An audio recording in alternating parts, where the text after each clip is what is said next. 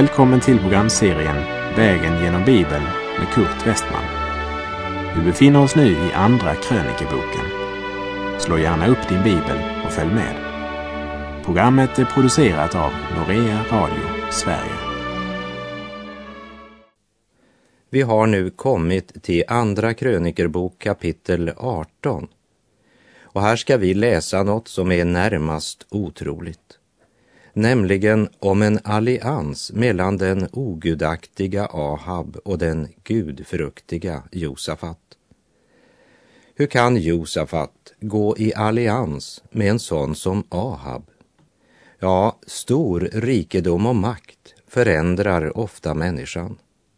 Steg för steg så blir Josafat öppnare i hållningen till Ahab. Världen ville säkert kalla honom vidsynt.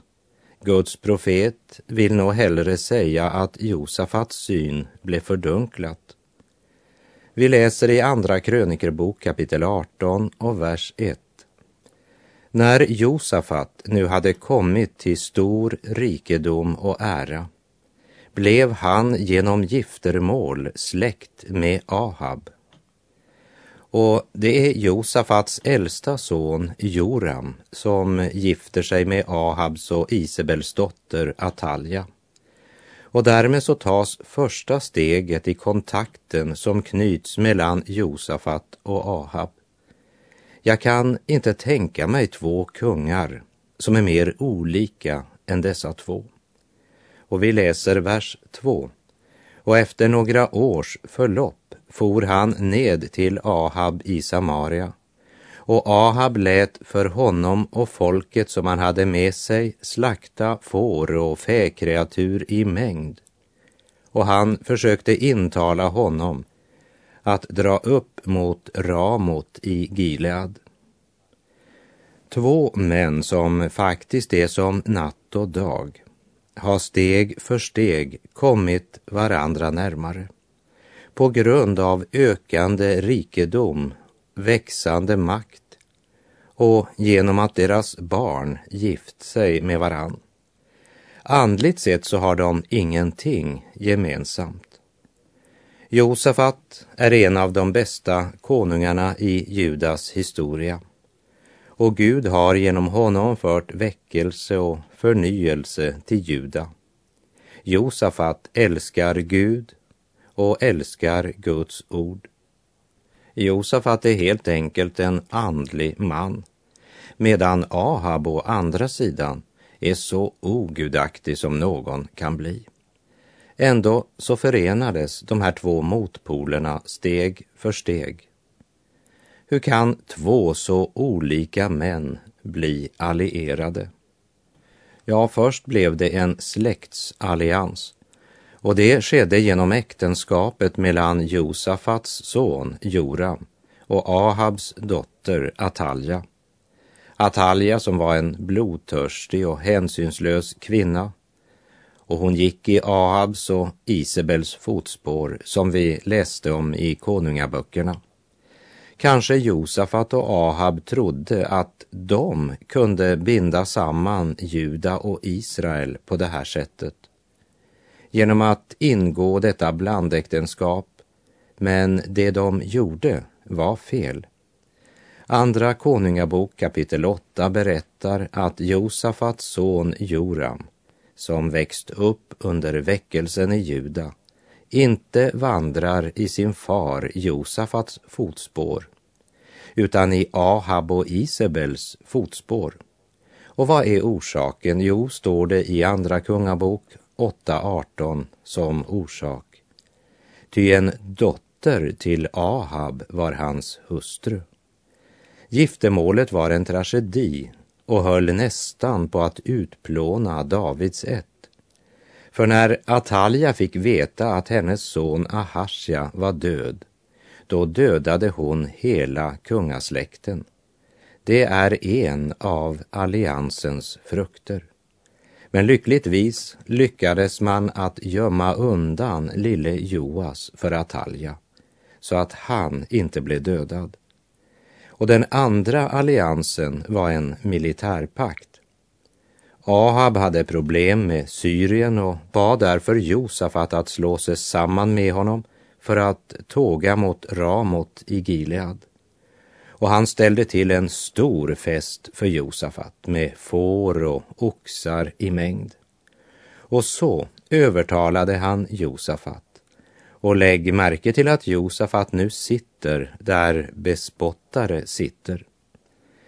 Saltarsalmen 1, vers 1 säger Säll är den man som inte vandrar i det ogudaktigas råd och inte träder in på syndares väg, ej heller sitter där bespottare sitter.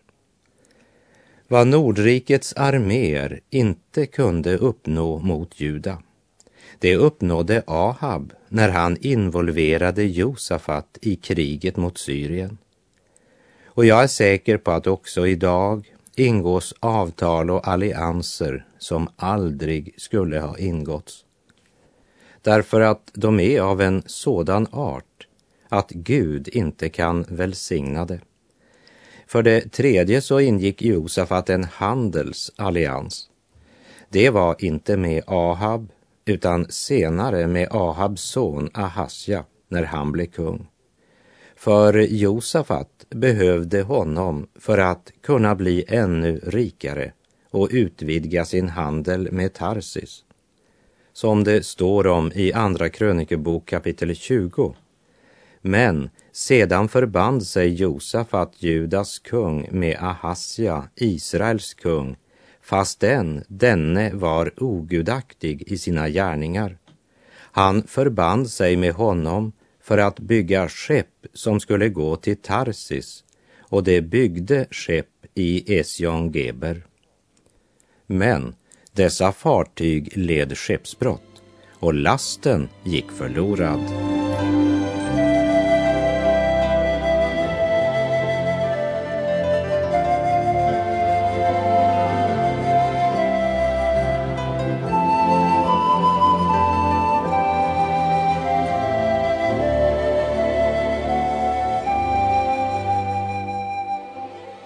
Vi läser i Andra krönikerbok kapitel 18, vers 3.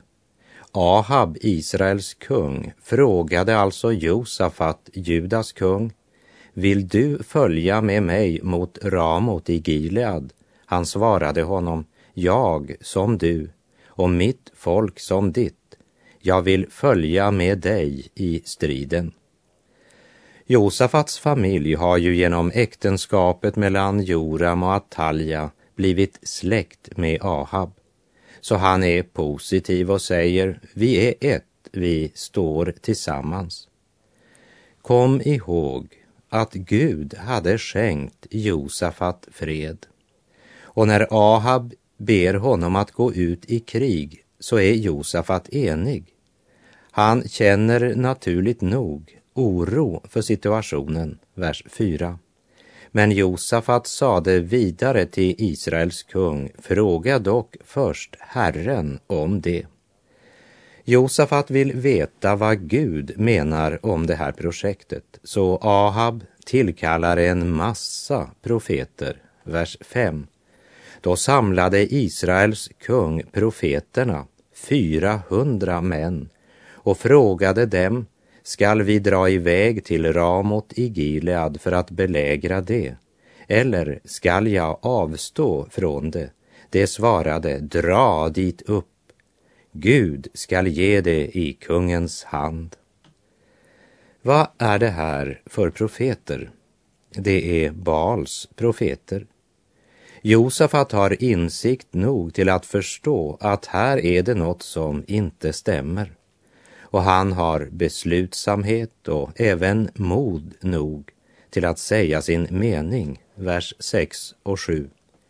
Men Josafat sade, finns här ingen annan Herrens profet så att vi kan fråga honom? Israels kung svarade Josafat, här finns ännu en man, Mika, Jimlas son, genom vilken vi kan fråga Herren men eh, han är hatad av mig. Ty han profeterar aldrig lycka åt mig, utan ständigt bara olycka. Josafat sade, kungen må inte säga så. Ahab är en kötslig man. Han önskar sig profeter som spår lycka. Det är viktigare för honom än att budskapet är sant. Det kan du inte mena, säger Josafat, men det är just det Ahab menar. Kan du verkligen mena att du hatar honom därför att han ger dig Guds ord, sanningen? Ja, det var därför Ahab hatade honom. Och också idag så finns det de som hatar de som förkunnar Guds ord. I bönhus och friförsamlingslokaler i gamla dagar så stod gärna predikostolen placerad i mitten på podiet. Och på den så stod det ofta Jesus. I en liten församlingslokal stod det på predikostolens framsida Vi vill se Jesus. Och det tycker jag är underbart. Men jag har ofta upplevt att det borde stå ett ord även på insidan av talarstolen, nämligen Galaterbrevet 4, vers 16. Har jag nu blivit er fiende därför att jag säger er sanningen? Profeten Mika är en av Bibelns stora män som vi såg när vi vandrade genom Första Konungabokens 22 kapitel. Han var en gudsman som talade Guds ord till folket och med fara för sitt eget liv så säger han sanningen även den här gången. Och nu kallar man på Mika, vers 9. Israels kung och Josafat, Judas kung, satt nu var och en på sin tron, klädda i sina skrudar. De satt på en tröskplats vid Samarias port medan alla profeterna profeterade inför dem. Kan du tänka dig den enorma mängden av profeter, 400, som springer runt och ropar till Ahab. Dra upp mot Ramot i Gilead. Herren ska ge dig seger. Gå i tro. Ropen blir allt kraftigare suggestionskraften ökar medan profeterna dansar runt. Och en av profeterna som är duktig på att dramatisera gör sig ett horn av järn och säger Gå, säger Herren, med dessa ska du stånga arameerna så att det förgörs. Här är det profeter som är livligt uppträdande och hög stämma ropar ut sin stora tro. Men eh, det är inte en tro född av Gud. Men eh, imponerande är det. De är många, otroligt många, 400 stycken. Och de är livliga och kan få känslorna i svall. Och de kan dramatisera. För eh, falska profeter så är ju också volymen viktig.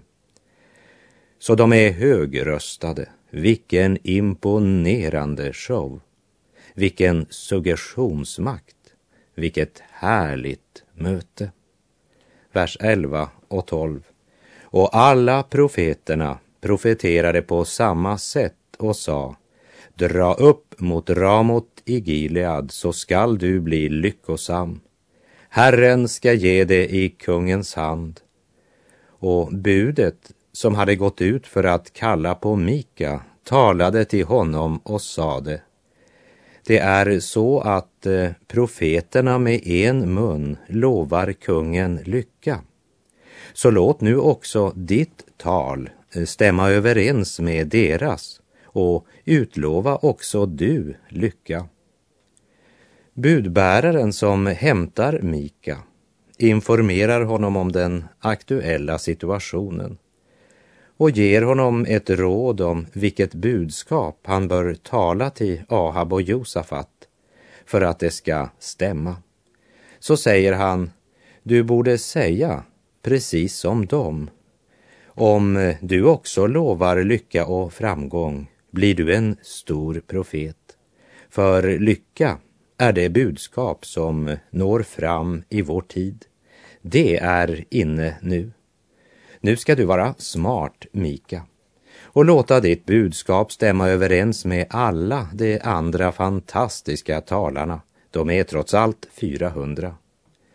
Vers 13. Men Mika svarade, så sant Herren lever, jag skall endast tala det som min Gud säger. Mika är inte upptagen av egen vinning. Han är inte upptagen av vad den stora mängden förkunnar. Han vet att